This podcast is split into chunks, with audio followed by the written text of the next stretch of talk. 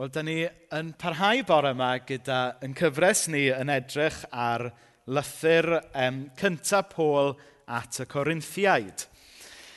Mae e'n uh, lythyr diddorol sy'n cynnwys lot o bethau amrywiol o wirioneddau mawr ynglyn â'r groes, ynglyn â sut dyle'r eglwys fyw a caru gilydd ac ynglyn â sut dylen ni fyw fel disgyblion i Esu Grist yn y byd yma sy'n aml yn fyd cymleth um, gyda pob math o, o densiynau'n tynnu ni gwahanol ffyrdd. Felly, dros y misoedd nesaf, i ni'n mynd i neidio trwy y llythyr yma at y Corinthiaid. I ni ddim mynd i edrych arno fe yn fanwl-fanwl, neu bydda hwnna'n cymryd blynyddoedd, ond ni'n just mynd i gael rhyw snapshot o beth sy'n mynd mlaen ym mhob penod wrth bod ni yn mynd trwy y llythyr. So, oedd hwn yn lythyr um, gan yr apostol Paul um, yw ffrindiau fe yn Corinth. Felly, oedd e'n lythyr iddyn nhw, ond oedd e hefyd yn lythyr i grisnogion yn bobman. Felly mae e hefyd yn air gan ddiw i ni heddiw, yng Nghymru 2016.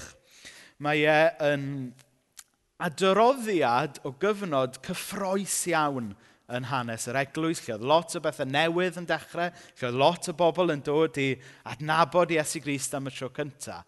Ac efo hynna, mi oedd pethau yn eitha bler.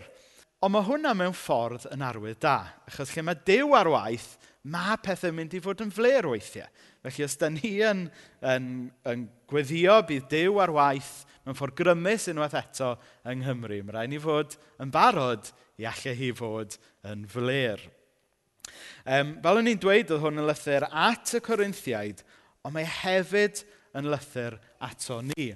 A ryw catchphrase da ni'n sôn amdano ar ddechrau pob un o negeseuon yma yw sgwennwyd y llythyr i ni, ond ddim atom ni. A, a'r diben gwneud y pwynt yna yw, sylweddoli, er mwyn deall beth mae Dyw yn dweithio ni heddiw, mae rhaid ni ddallt be oedd yn dweud wrth y bobl yna yn wreiddiol yn eu cyd-destun nhw. Nawr, da ni wedi cyrraedd y drydydd benod a teitl y neges bore yma ydy Gadael i Ysbryd Dyw Lifo. Felly dwi am ddarllen chydig adnodau o penod 3 i chi. Pan oeddwn i acw frodyr a chwiorydd, roedd hi'n amhosib siarad â chi fel Cresnogion eiddfed. Roedd rhaid i mi siarad â chi fel petai chi heb dderbyn yr ysbryd – yn fabus bach yn eich dealltwriaeth o'r bywyd chrysnogol. Roedd rhaid i mi eich bwydo chi a llaeth am eich bod chi ddim yn barod i gymryd bwyd solet. Ac mae'n amlwg eich bod chi'n dal ddim yn barod. Dych chi dal i ymddwyn fel pobl sydd heb dderbyn yr ysbryd. Mae'r holl genfigeni a'r ffreio sy'n mynd ymlaen yn warthus. Dych chi'n ymddwyn fel petai chi ddim yn grisnogion o gwbl. Pan mae un yn dweud, dwi'n dilyn Paul, ac un arall, dwi'n dilyn Apollos, dych chi'n ymddwyn yn union fel pawb arall. Pwy ydy Apollos? Pwy ydy Paul? Dim ond gweision. Trwy ni y deithwch chi gredu, ond dim ond gwneud ein gwaith oeddwn ni. Gwneud beth oedd Dyw wedi ddweud wrtho ni. Fi blanodd yr had, wedyn daeth Apollos i'w ddyfrio. Ond Dyw wnaeth iddo dyfu, dim ni. Dy'r planwr a'r dyfriwr ddim yn bwysig. Dim ond Dyw sy'n rhoi tyfiant. Wedyn neidio i adnod 16. Ydych chi ddim yn sylweddoli mai chi gyda'ch gilydd ydy teml ddew a bod ysbryd Dyw yn aros yn y deml yna. Bydd Dyw yn dinistrio unrhyw un sy'n dinistrio i deml e. Mae teml Ddew yn gysegredig a chi ydy'r deml honno yn y benod yma, mae Paul yn cario ymlaen i drafod tri peth mae o'n barod wedi drafod efo nhw. Felly, mae o'n gwybod bod nhw angen clywed rhywbeth mwy nag unwaith iddo fo syncio mewn. a da ni gyd rhywun peth yn dydan. So, y, y tri peth mae o'n cyffwrdd eto fan hyn mae o'n barod wedi yw yr isiw yma fod yna gorela, fod yna gwmpo mas yn yr eglwys yn Corinth, Ac hefyd mae e'n dysgu nhw rhywbeth am y gwirionedd ynglyn â Iesu ac hefyd y grym ysbryd Dyw mae eisiau i weld yn eu plith nhw. Nawr, falle bod na elfen o um, gymlethdod yn meddwl Paul fan hyn. Achos ar rai pwyntiau yn y llythyr, mae e'n siarad gyda nhw fel tasyn nhw wedi derbyn ysbryd Dyw. Ond wedyn, fel yn rhai o'r adnodau nes i ni ddarllen gynnau, mae e fel bod nhw heb dderbyn ysbryd Dyw, neu heb i dderbyn e yn gyflawn. Felly, be mae, be mae Paul yn ei fan hyn? Ydy e'n rhyw methu wneud i feddwl an, neu yw e'n newid i feddwl? Mae e mwy i wneud a'r gwirionedd yma fod Dyw yn rhoi i ysbryd i'r Cristion ac i'r Eglwys – Ond wedyn mae yn broses i'r Cristionau i'r Eglwys i dderbyn y rhodd yna mae Dyw wedi wedi'i roi. Chi'n deall beth sydd gyda fi? Hynny yw fel bod nhw ddim cweith yn siŵr beth i wneud o'r anrheg yma mae Dyw wedi i rhoi iddyn nhw. Mae fel bod nhw, bod yna rhyw bethau yn eu bywyd nhw sy'n rhwystro ysbryd Dyw rhag llifo fe mae Dyw yn dymuno iddo fe fod. Nawr, pethefnos yn ôl, nes i um, sôn am y profiad geis i pan nes i gael sbectol am y tro cyntaf. A bod hwnna'n yn ddelwedd o sut mae'r ysbryd glân yn caniatau i ni weld a caru Iesu am y tro cyntaf. Nes i ddim ond cael sbectol pan o'n i'n 15 oed, a cyn hynny, o'n i ddim wedi gwerthfarogi pa mor ddall o'n i mewn gwirionedd. A wedyn, pan ges i y sbectol, waw, tyfod, O'n i'n gweld be o'n i yn gweld cynt, ond nawr mewn golau newydd. A o'n i'n ffeindio'n hun yn mynd am dro jyst i edrych ar goed a rhyw bethau e bizar fel yna. Achos nawr o'n i yn gweld. Nawr, siwr mae'n mynd ar ddelwedd yna mlaen nawr i beth sy'n wynebu Corinthiad nawr, sef bod Dyw wedi rhoi di ysbryd yn nhw, ond bod nhw ddim cweit wedi dderbyn e yn iawn. Nawr, dwi'n cofio gyda ni un athrawes yn yr ysgol. Oedd hi wastad yn rhoi di sbectol, fel na chi'n gwybod. A wedyn oedd hi'n mynd i panics yn chwilio am ei sbectol, chyfod. Ac oedden ni, oedden ni'n gweld yn iawn fod ei ar ben i ffenni, ond o'n i'n dweud dim, o'n i'n joio gweld hi'n mynd i panics yn troi popeth yn sefyll uh, y dosbarth rownd, yn chwilio am y sbectol. Hynny, oedd hi ddim yn gwerthfawrogi bod y sbectol yn barod gyda hi, a fod hi jyst angen rhoi nhw mlaen. A rhywbeth fel un sy'n mynd mlaen, fan hyn fi'n meddwl, Mae Dyw wedi rhoi di ysbryd i'r Corinthiad, ond maen nhw yn y broses. O, o ie, dyma fe, dyma sut mae byw yn yr ysbryd. Dyma sut mae rhoi yr ysbryd ar waith yn yn bywydau. Dyma sut mae rhoi yr ysbryd ar waith y mywyd yr eglwys.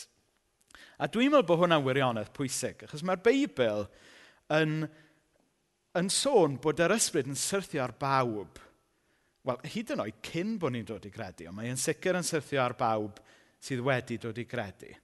Ond wedyn, mae rhaid i ni fod yn agored i adael i ysbryd Dyw ffrydio trwy yn bywyd ni. Newid y ffordd da ni yn byw a rhoi nerth i ni fod y disgyblion mae e wedi galw ni i fod. Nawr, dyna sy'n tu ôl y ddelwedd yma sydd gyda Paul fan hyn. Mae e'n sôn wrthyn nhw, roedd rhaid, um, roedd rhaid i mi eich bwydo chi a llefrith, contextualisation, uh, am eich bod chi ddim yn barod i gymryd bwyd solet. Mae'n amlwg eich bod chi dal ddim yn barod. Dych chi dal i ymddwyn fel pobl sydd heb dderbyn yr ysbryd.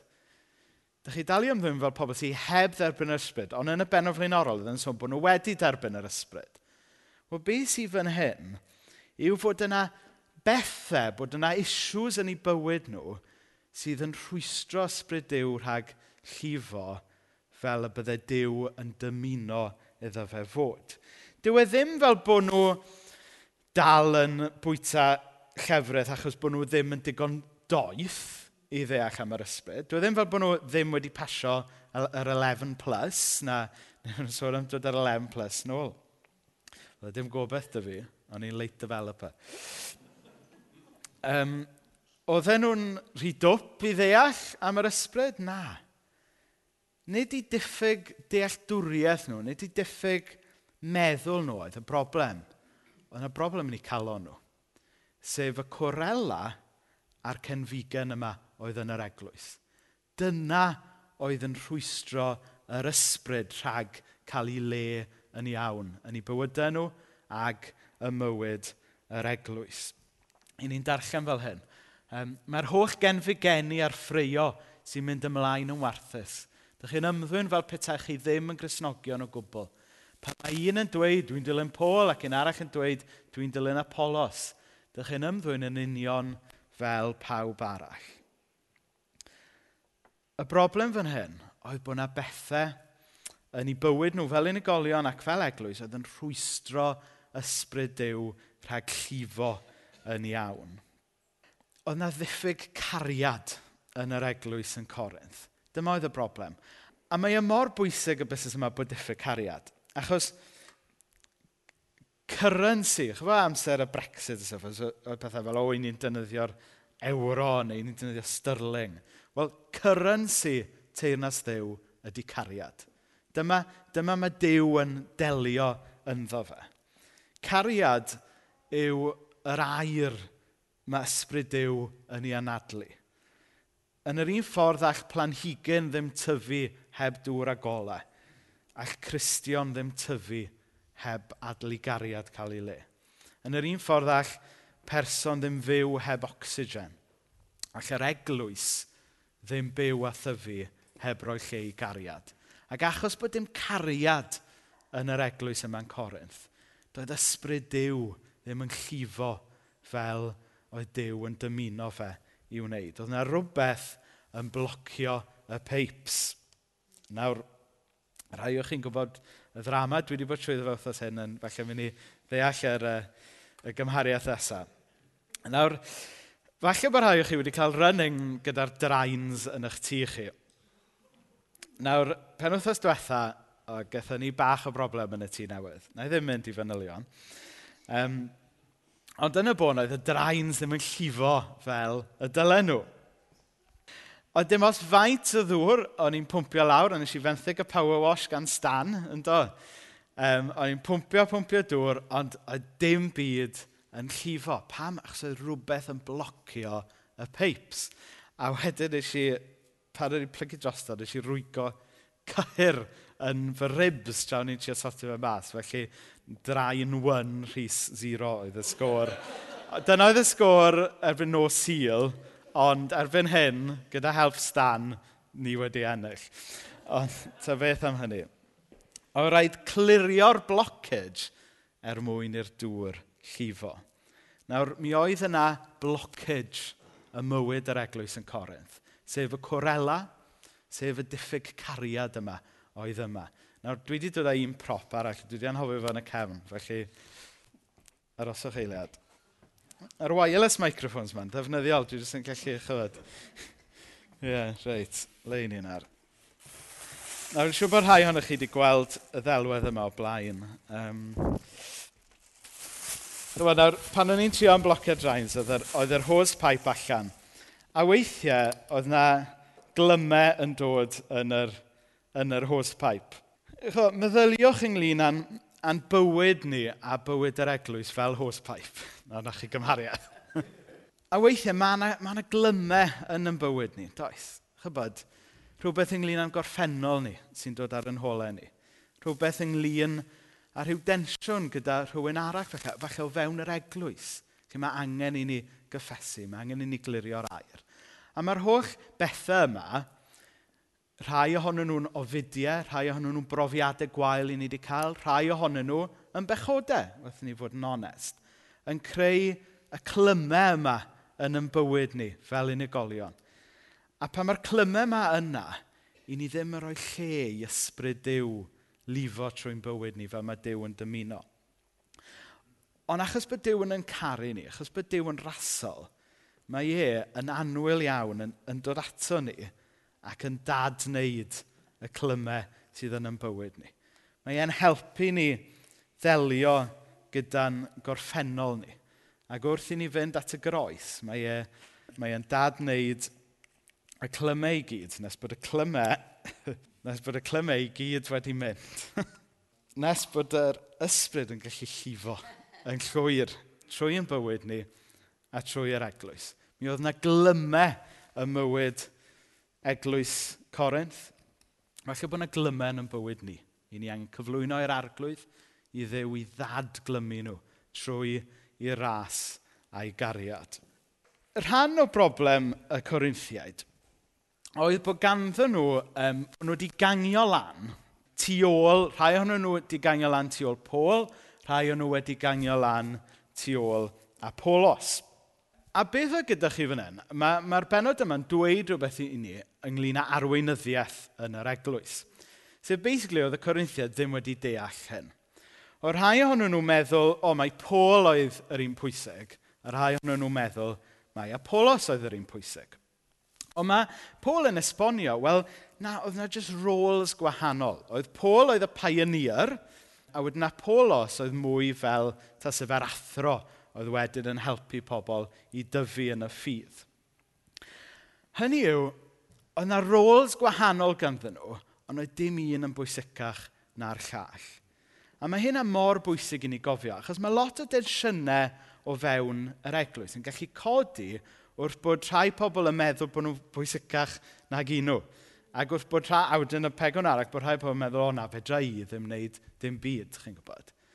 Mae yna rôl i bawb yn eglwys Iesu Grist. A mae rôl pawb yr un mor bwysig a'i gilydd.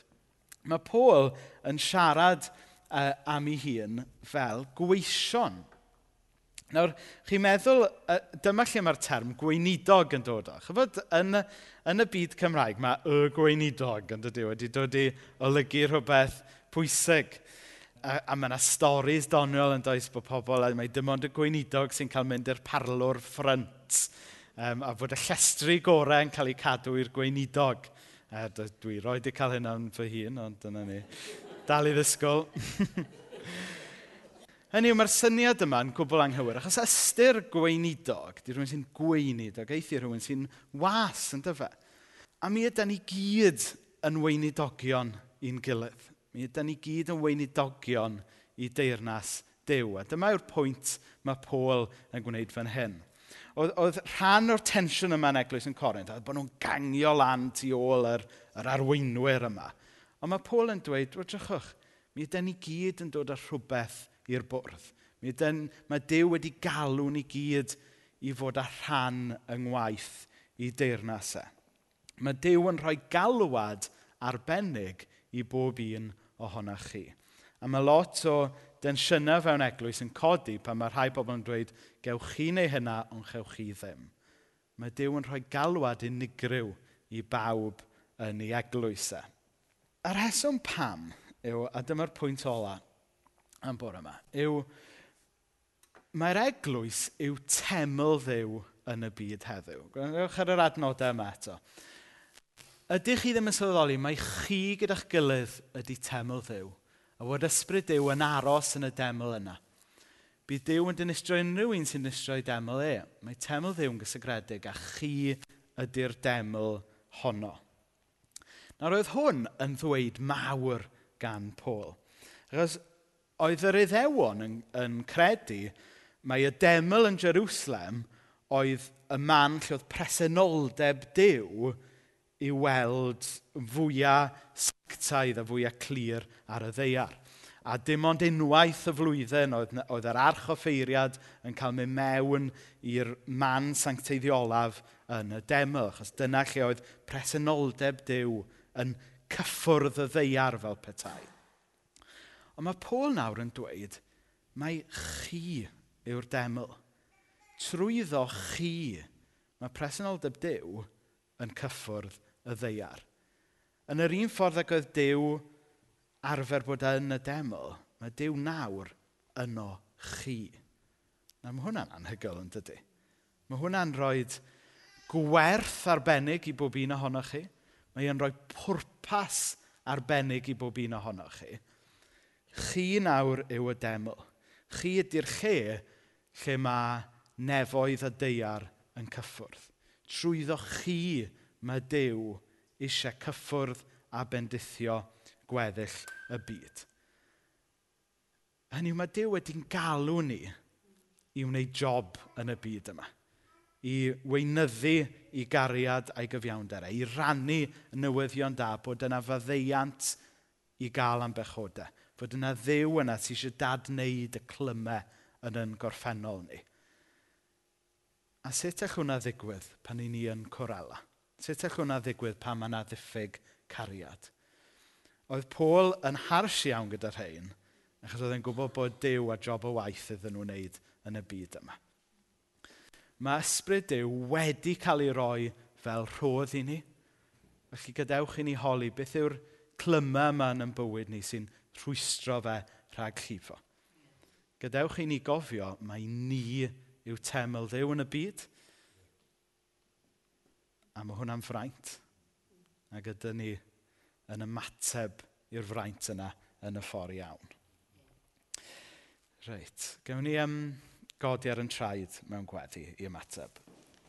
Wel, oedd ddiw dad, i ni, yn, i ni gyd yn wylaidd yn plygu o dyflaen di nawr. Um, ac i ni meddwl o ddiw dad am, yr, um, am y problemau oedd yn yr eglwys yma yng Nghorynt, am y diffyg cariad. Ac o ddiw dad, ni'n gofyn i ti helpu ni gyd i archwilio'n calonau. Am y pethau yna sy'n dyneud i'n drist. Am y pethau yna sy'n effeithio ar y cariad um, rhyngo ni a'n gilydd. A gadi ni gyflwyno nhw i ti, gan gredu bod y groes yn ddigon i ddelio gyda nhw. O ddiw dad, ni'n gofyn ti symud y pethau, y blockages yna yn yn bywyd ni, sy'n rhwystro dy ysbryd i rhag llifo fel i ti'n dymuno iddo fe lifo. I ni'n diolch bod ni wedi derbyn yr ysbryd fel rhodd, gad i ni felly dderbyn y rhodd yna yn llawen. O ddiw dad, i ni'n diolch bod y gair yn dweud mae deglwys di, sef ni, pobl, yw dy deml di nawr ar y ddeiar. Anfon dysbryd glân mewn i fywyd pob un ohono ni, a mewn i fywyd yr eglwys i ni gael bod y man lle mae'r byd yn gallu dybrofi di. Amen.